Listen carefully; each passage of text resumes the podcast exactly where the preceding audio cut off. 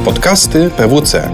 Odpowiadamy na istotne pytania dotyczące Twojej firmy: podatki, prawo, biznes, finanse i technologia. Nagrania są dostępne na pwc.pl łamane przez podcasty. Dzień dobry.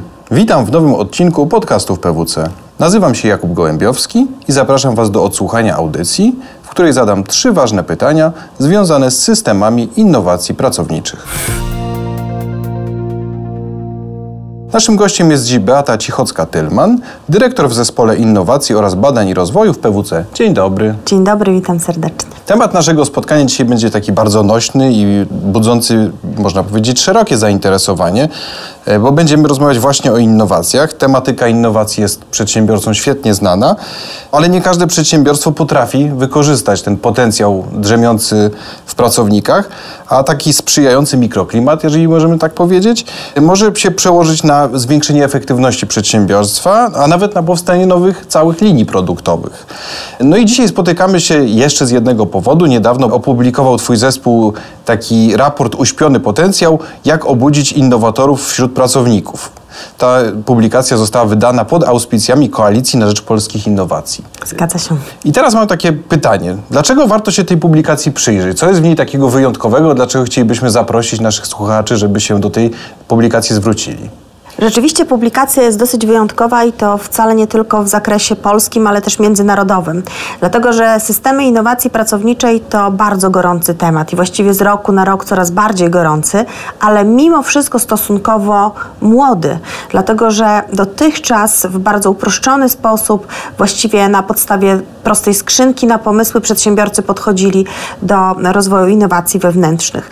E, taki znaczący trend, myślę, obserwujemy od dobrych 10 lat. To naprawdę dosyć krótko. W związku z czym jesteśmy w sytuacji, gdzie taka wiedza praktyczna, pewna metodologia, pewne wskazówki czy nawet case'y nie są dostępne.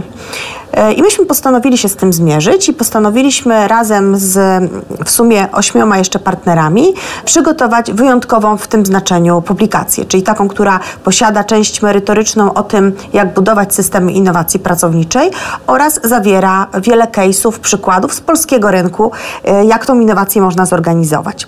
Wśród naszych partnerów, którzy zechcieli się podzielić swoimi przykładami praktycznymi jest Henkel, jest IBM, jest ING Bank Śląski, jest Innogi Polska, Link 4, Grupa Maspex, Wolters Kluwer czy ZUS, również jako instytucja publiczna, myślę, że bardzo ciekawy case. W każdym case'ie mamy bardzo szczegółowe podejście do rozwoju innowacji, mamy opisane przykładowe projekty oraz przykładowych innowatorów, więc mam nadzieję, że bardzo ciekawa publikacja. Czy możemy powiedzieć w takim razie, że to jest taki zbiór najlepszych praktyk z rynku? Zdecydowanie tak. I to chyba taki pierwszy w takim znaczeniu. No, tym bardziej ciekawy, że jakby pochodzący bezpośrednio od firm, nie tylko teoretycznie opracowany. Zdecydowanie tak. Okej, okay, spodobało mi się to Twoje określenie skrzynka na pomysły. Ale zastanawiam się nad tym, dlaczego system taki sformalizowany miałby być od tej skrzynki na pomysły lepszy? Dlaczego przedsiębiorstwo miałoby wdrażać taki kompleksowy system, żeby motywować swoich pracowników do bycia bardziej innowacyjnymi? Czy ta skrzynka to za mało? Powiem Ci uczciwie, że to jest bardzo dobre pytanie, dlatego że kiedy zaczynamy z przedsiębiorcami rozmawiać na ten temat, to właściwie to jest ta ich pierwsza wątpliwość. To znaczy mam skrzynkę albo intuicyjnie zrobię coś na wzór skrzynki, konkursu, wystarczy. Po co mi cały system, tak? My My przez te lata, kiedy pomagamy przedsiębiorcom organizować się w ten sposób, wyróżniamy kilka takich aspektów, dzięki którym e, naszym zdaniem pokazujemy, że systemy, czyli bardzo takie usystematyzowane podejście, trochę sproceduralizowane, e, jest o wiele bardziej efektywne na koniec dnia. I, I myślę, że to, co bym chciała tak szczególnie podkreślić, to system ukierunkowuje e, cały wysiłek pracowników i przedsiębiorstwa na pewne konkretne obszary. My możemy robić zagadnienia, nawet ścieżki tematyczne, możemy dedykować dane transze naszego systemu, na przykład na logistykę, na marketing czy na nowe produkty.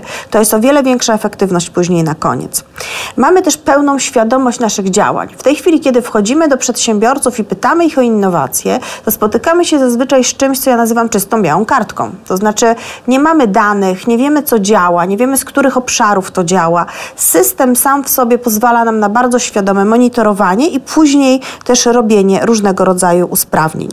Obserwujemy też, że system to jest pewne poczucie bezpieczeństwa dla pracowników, to jest również jasne reguły gry, które dla nich komunikujemy i to skutkuje i większą liczbą pomysłów zgłaszanych na takie konkursy, ale również widzimy wyższą jakość tych pomysłów, dlatego że systemy, już tutaj nie będziemy jakby dzisiaj wchodzić w e, same ich fazowania i główne elementy, ale systemy zawierają w sobie elementy pomocy innowatorom i to wszystko skutkuje o wiele wyższą efektywnością na koniec.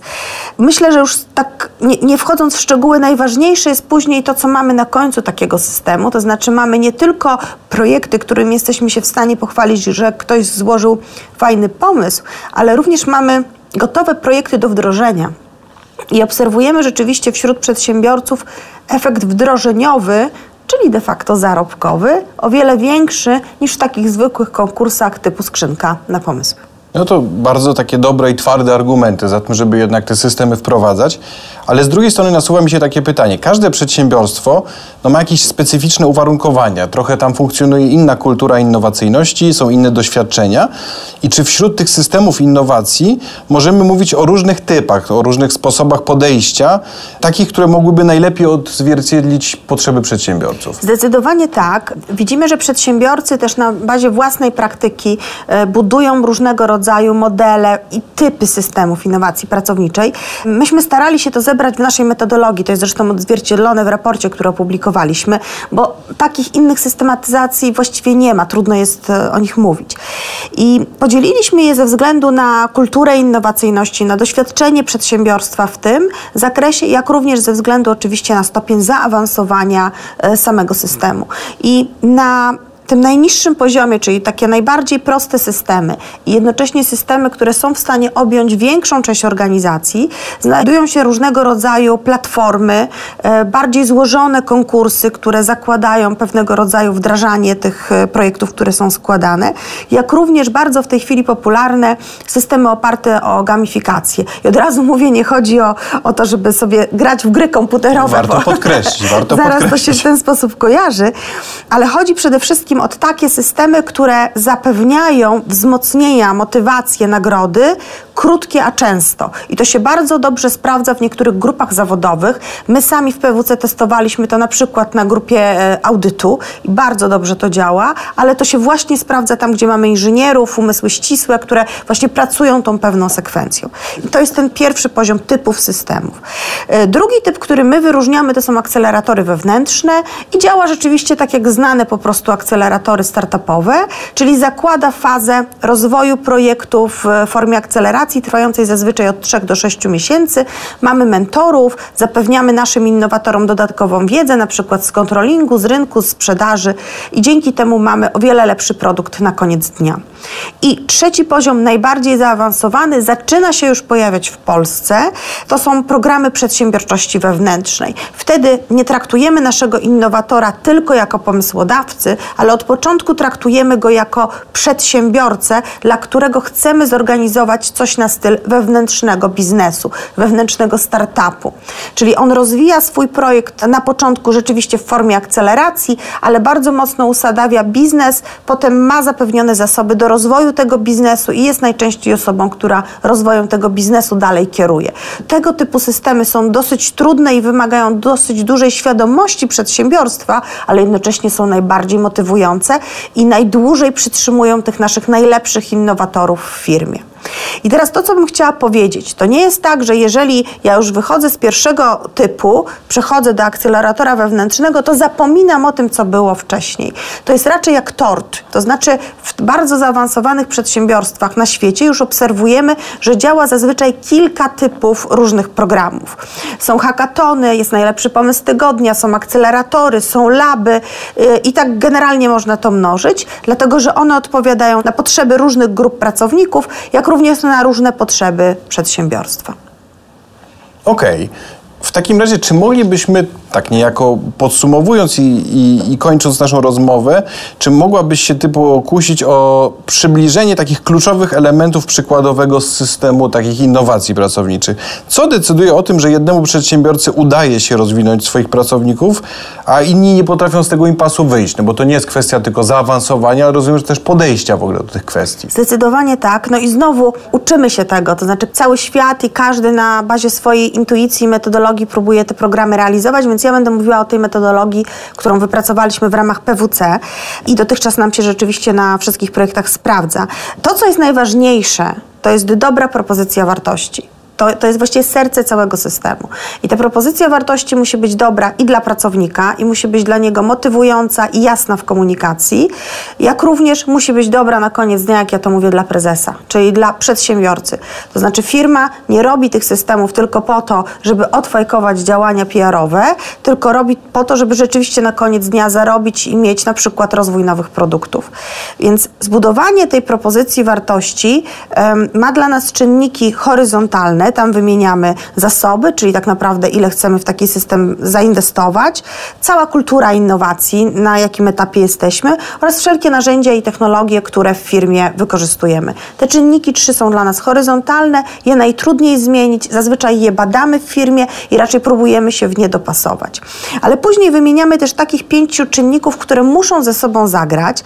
E, to jest między innymi sposób komunikowania naszego systemu, właśnie e, wszelkie motywatory, wdrożenie wdrożenie w organizacji, kto jest w to zaangażowany, same zobowiązanie organizacji, czyli im wyższy szczebel, a my zawsze rekomendujemy przynajmniej poziom e, zarządu, tym lepiej. No i sama obsługa tego, czyli w jaki sposób mamy na przykład zorganizowanych mentorów. Te pięć czynników razem powoduje, że system innowacji pracowniczej jest jednym z bardziej interdyscyplinarnych systemów. I też musimy to sobie powiedzieć uczciwie. Znaczy, nie można go zrealizować po prostu przez dział innowacji. Potrzebujemy mentorów z poszczególnych dziedzin. Potrzebujemy tak zwane wtyczki biznesowe, czyli osoby, które będą odpowiedzialne i są zainteresowane w ogóle wdrożeniem danego pomysłu. Bo co z tego, że mam świetny pomysł, ale nikt w mojej organizacji nie chce go wdrożyć. No i te wszystkie elementy, one są dla nas e, równie ważne i jeden wynika z drugiego i dobre ich skonfigurowanie to jest chyba te klucz sukcesu. W takim razie możemy powiedzieć, że mamy jeszcze taki w wielu przedsiębiorstwach nieodkryty cały ekosystem, który dopiero będzie rozkwitał? Oj, zdecydowanie. To wręcz taka sztuka trochę. Systemy innowacji pracowniczej są też wykorzystywane przez przedsiębiorców do tego, żeby rozwijać kulturę innowacji. Widzimy, że minimum te trzy lata, czyli takie trzy rundy są potrzebne do tego, żeby stwierdzić, czy zauważyć pierwsze widoczne skutki y, zmian y, i właśnie rozkręcenia tej kultury w stronę innowacyjności. Mam nadzieję, że temu zagadnieniu będziemy się przyglądać jeszcze w przyszłości. Dzisiaj taki wspaniały start, właśnie dyskusja w oparciu o przygotowaną przez Was publikację. Bardzo dziękuję za wysłuchanie tego odcinka, a Beacie za ciekawą rozmowę. Bardzo dziękuję. Podobał Ci się odcinek? Podziel się z innymi oraz śledź nasze kanały. Więcej podcastów PWC znajdziesz na stronie pwc.pl ukośnik podcasty oraz w aplikacjach iTunes i Google Music. Do usłyszenia w kolejnym odcinku.